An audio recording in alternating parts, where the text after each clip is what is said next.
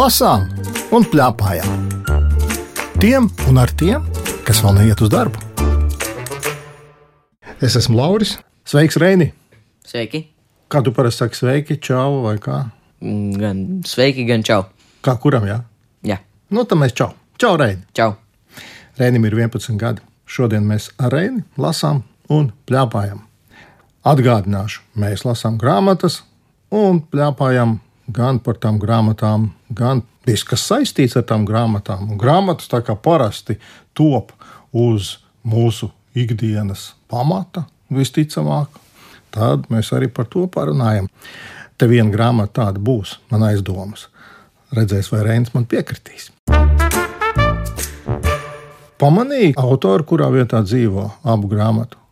Andrus Kivireks ir Igaunijā. Jā, un tā ir sakrits, ka ir otrs autors, kuru grāmatas mēs šodien skatīsimies un lasīsim. Un plēpāsim, ir Ilmārs Tomusks un arī Gaunis. Es biju Igaunijā. Jā, Ir starpība ar Latviju. jā. Kas tur Tur ir uh, gan uh, savādāki meži, un arī ceļzīmes ir daudz savādāks. Bet grāmatās Nebija nekas daudz tāds savādāks. tur jau laikam ir tā atšķirība tikai autorā, kā Jā. autors raksta. Solīts ir divas grāmatas, nu tad par divām arī runājam. Pirmā grāmata būs Datordulā skola, un tās autors ir jau minētais Ilmārs Tomusks. Es, godīgi sakot, no sākuma izlasīju datoru gudrā skola.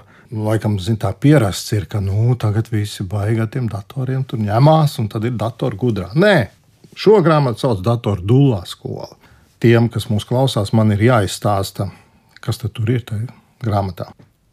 Skola tiek pie planšetēm visiem skolēniem, un skolas direktors ir sajūsmā. Visiem šķiet, ka sāksies jauna, labāka dzīve, bet tad tiek izpētītas visas tīmekļa un datoru pasaules iespējas, lai beigās pateiktu, un tagad noskaidrosim, kas īsti ir digitālā izglītība.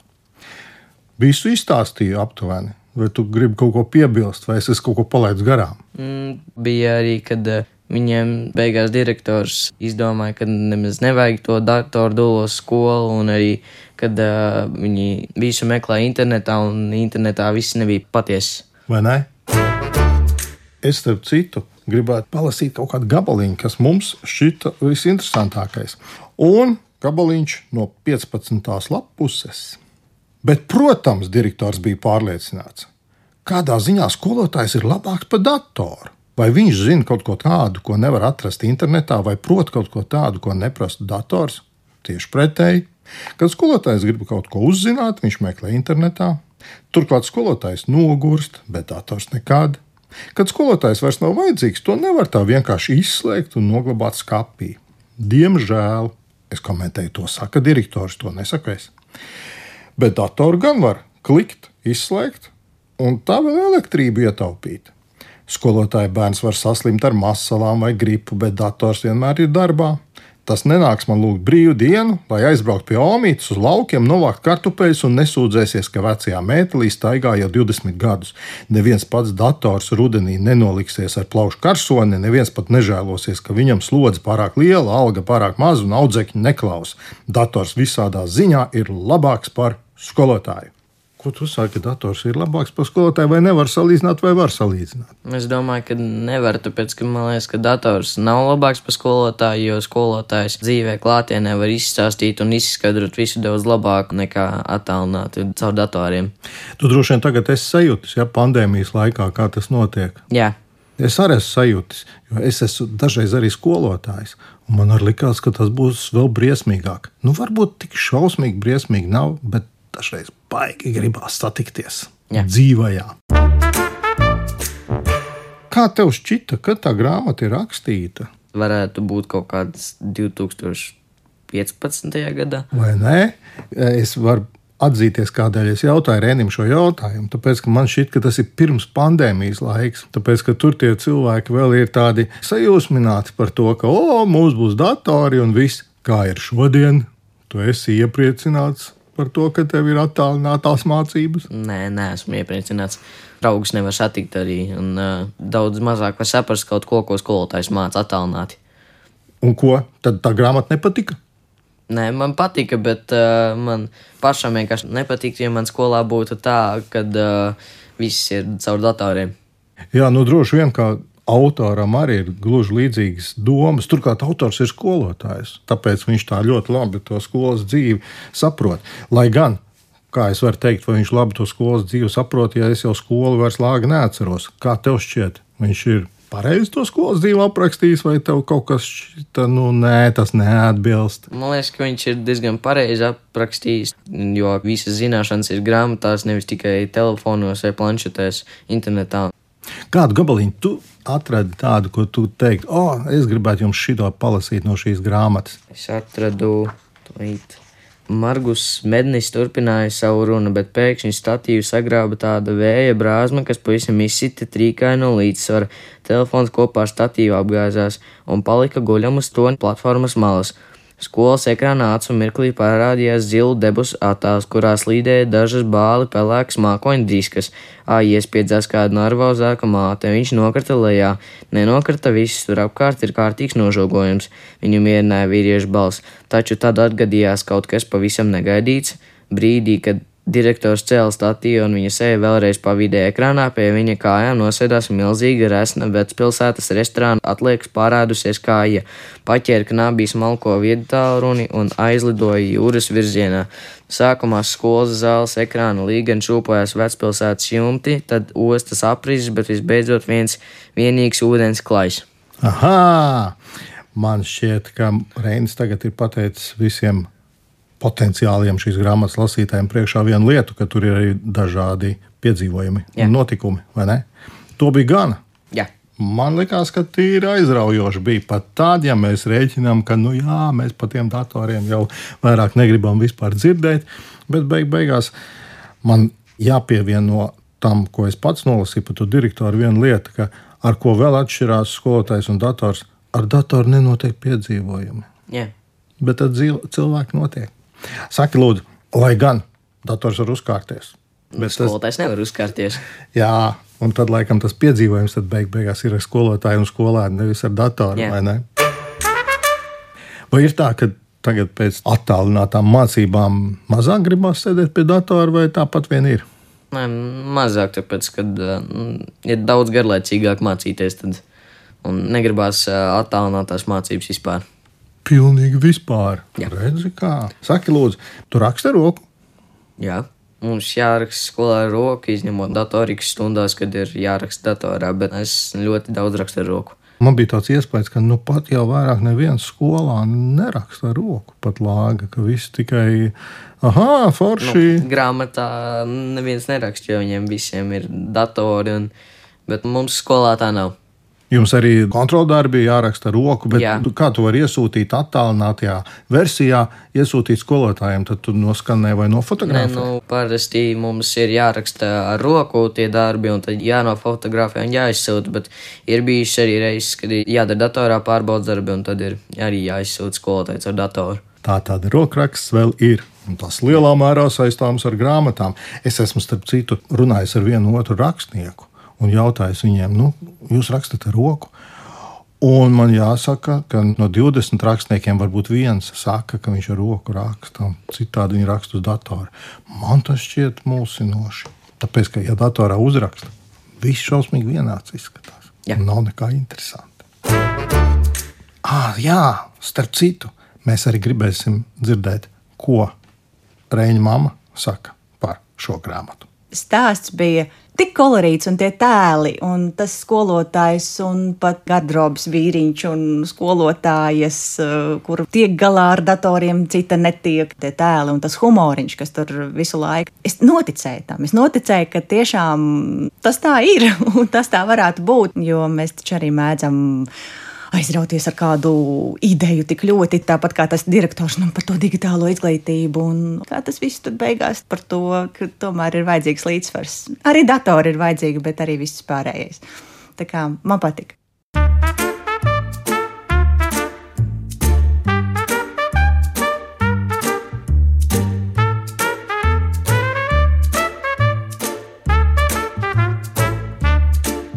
Lasām un plēpājām tiem un ar tiem, kas vēl neiet uz darbu. Otra grāmata. Tās nosaukums ir Ērms un Facebook. Tās autors ir Andrus Kivireks. Tu vari izrunāt trīsreiz ātri viņu uzvārdu.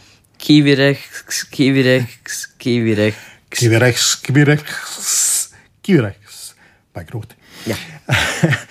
tā tad tomēr tā starpība ar tiem igauniem ir šajā, ka viņiem tas ir viegli. Es esmu dzirdējis, ka igauni izrunā tik viegli šos vārdus, šos burtus, kurus mēs te nekādi nespējam savienot. Vēl jāpiemina šīs grāmatas ilustrators. Tas gan ir latviešu un arī latvietis. Tas ir Edmunds Jansons.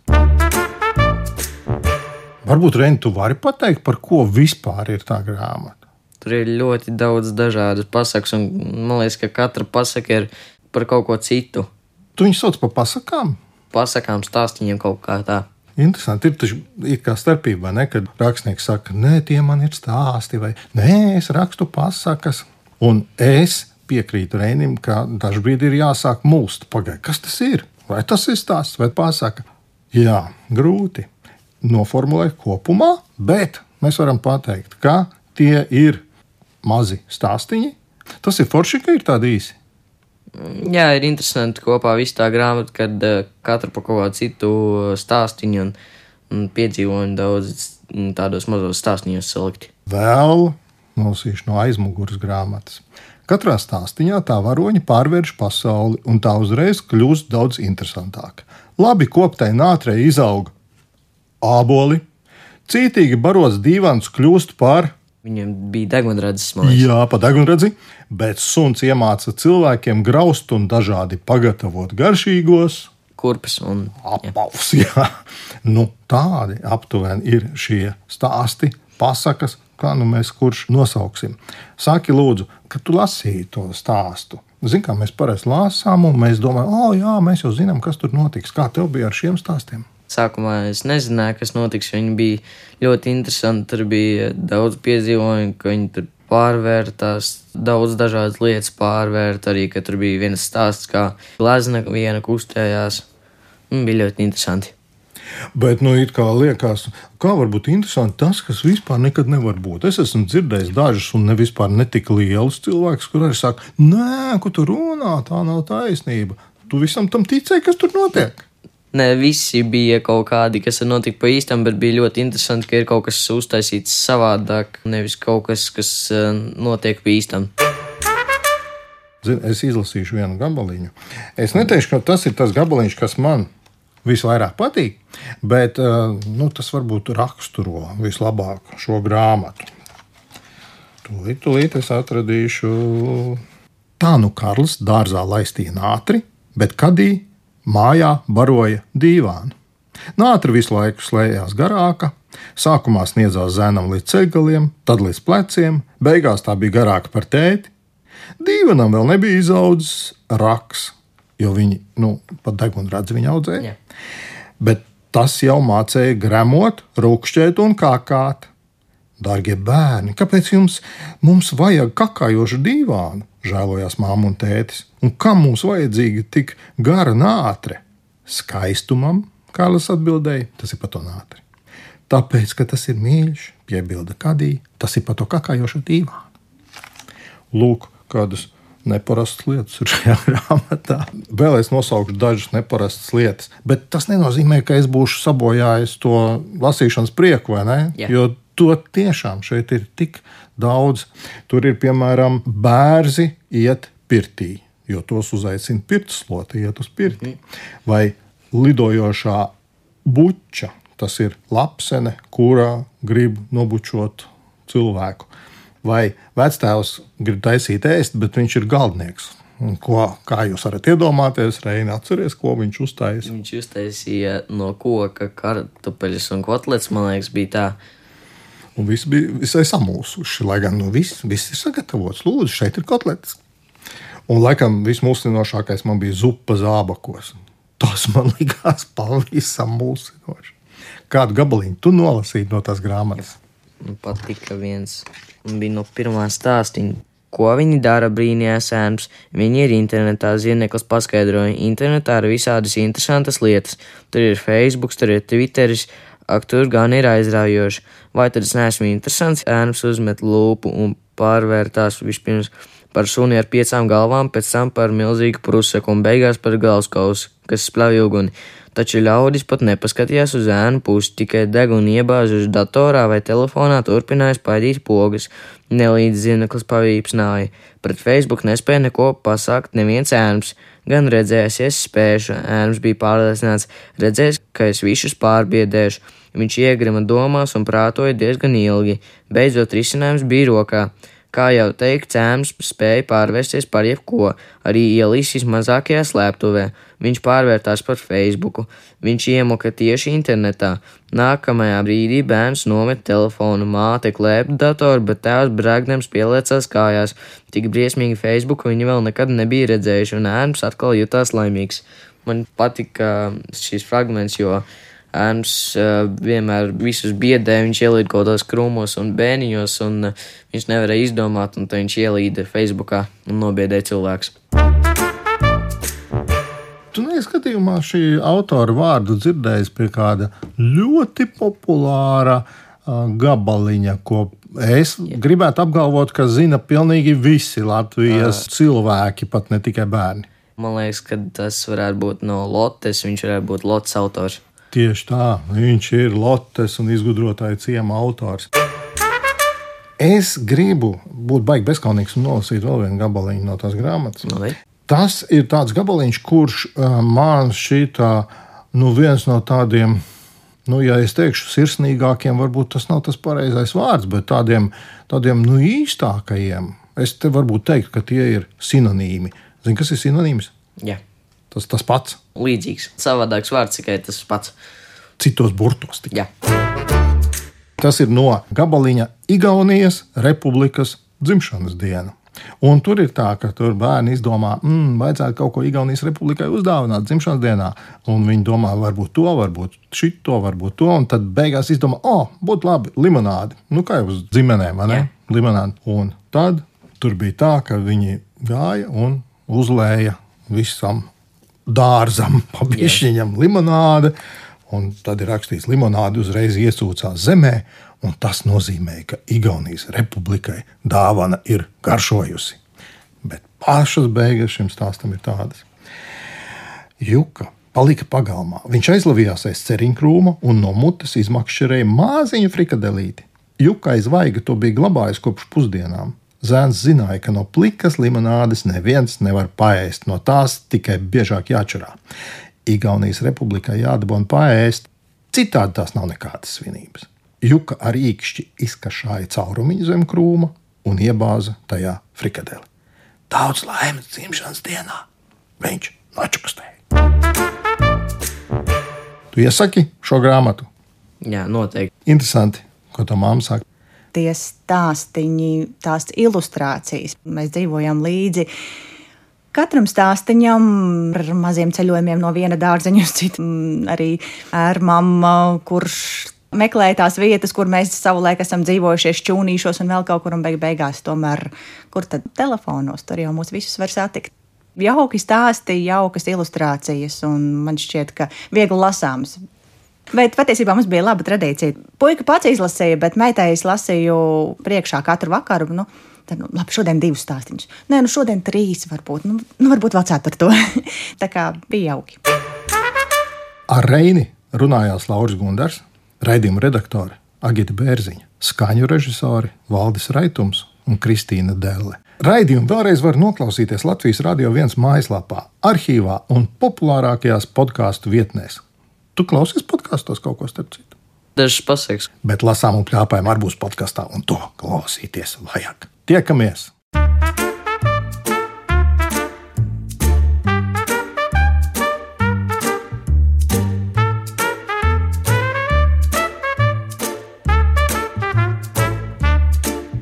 Lasām un plēpājām. Tiem un ar tiem, kas vēl neiet uz darbu.